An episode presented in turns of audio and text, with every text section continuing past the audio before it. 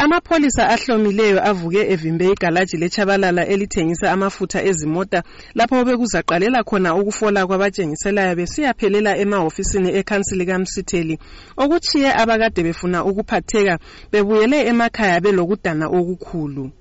Unobhala jikelele wenhlanganiso yebhethu likazulu umnumzana Mbuso Fuzwayo onguye obeqoqe lokhu kutshengisela uthi kuyadanisa ukuba amapholisa abalele ukutshengisela bethi noma bemisiwe bazaqhubekela phambili kusuku abazaluhlela ethi ngeke bayekela uCross ethuka abantu. Ed Cross okhanya engumuntu esemandebeleni esithumela amandebele ukutshengisa ukungahloniphi so namhlanje bekuze sizotshengiselela ukungasuthiseki kwethu ngendlela u-ed cross akhuluma ngayo.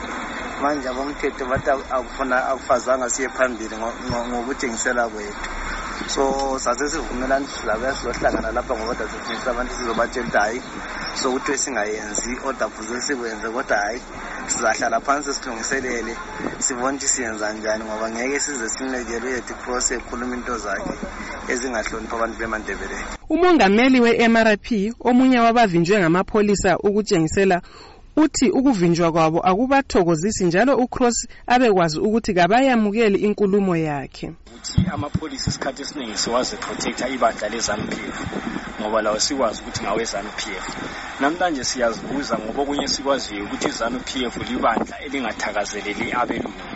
Libandla elalwa labelungu libaxotsha ivile emaplazini lakumabhizimusi namhlanje siyazibuza ukuthi i-interest yeZANU-PF ukuthi izodefenda umlungu lo okhulume kubi ngamandebele ekhuluma ngabantu abamnyama interest yabo kuyini? Ngezindlela ukuthi ukuthi bayatsho ukuthi u-ed cross uright akukhuluma ngamandebele kuyinto eqondileyo lawo bayakusapota yibo yikho bekhethe ukuthumela amapholisa ukuthi azosivimba Isakhamuzi sebulawayo South umnumzana Melusi Chuma laye uthe kumzwisa ubuhlungu ukuba umuntu abamvotelayo usebathethisa aphinde avikelwe ngamapholisa.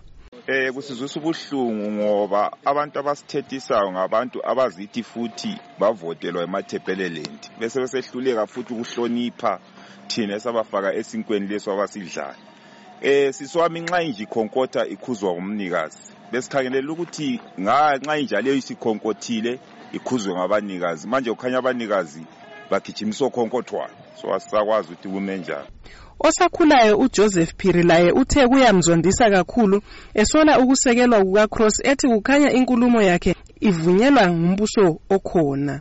hayi kuyasizondisa kakhulu ngoba thina size lapha sizokhuluma ngalo muntu okwazi ukuthi asithethise kodwa amapholisa abuya azofuna ukuthi bona bamprotect singazi ukuthi owonelweyo or kumele kuprotect onjani empilweni uClearance Ndlovu laye ucale umnumzana Cross ethi inkulumo yakhe imbi njalo ikhombisa ukuba ulobudlelwano lebandla elibusayo ngoba kuyibo abavame ukukhangelela phansi eminye imhlobo ezweni.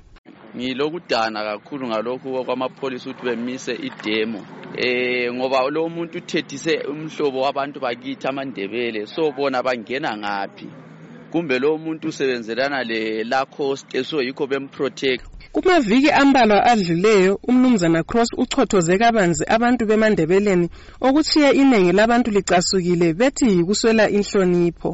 Abatshengiselayo bathe bazaqhubekela phambili bedinga imvumo yokutshengisela kungakhathalekile ukuvinjwa ngamapholisa. Ngimele istudio 7 ngikobulawayo ngingubathabile masuku.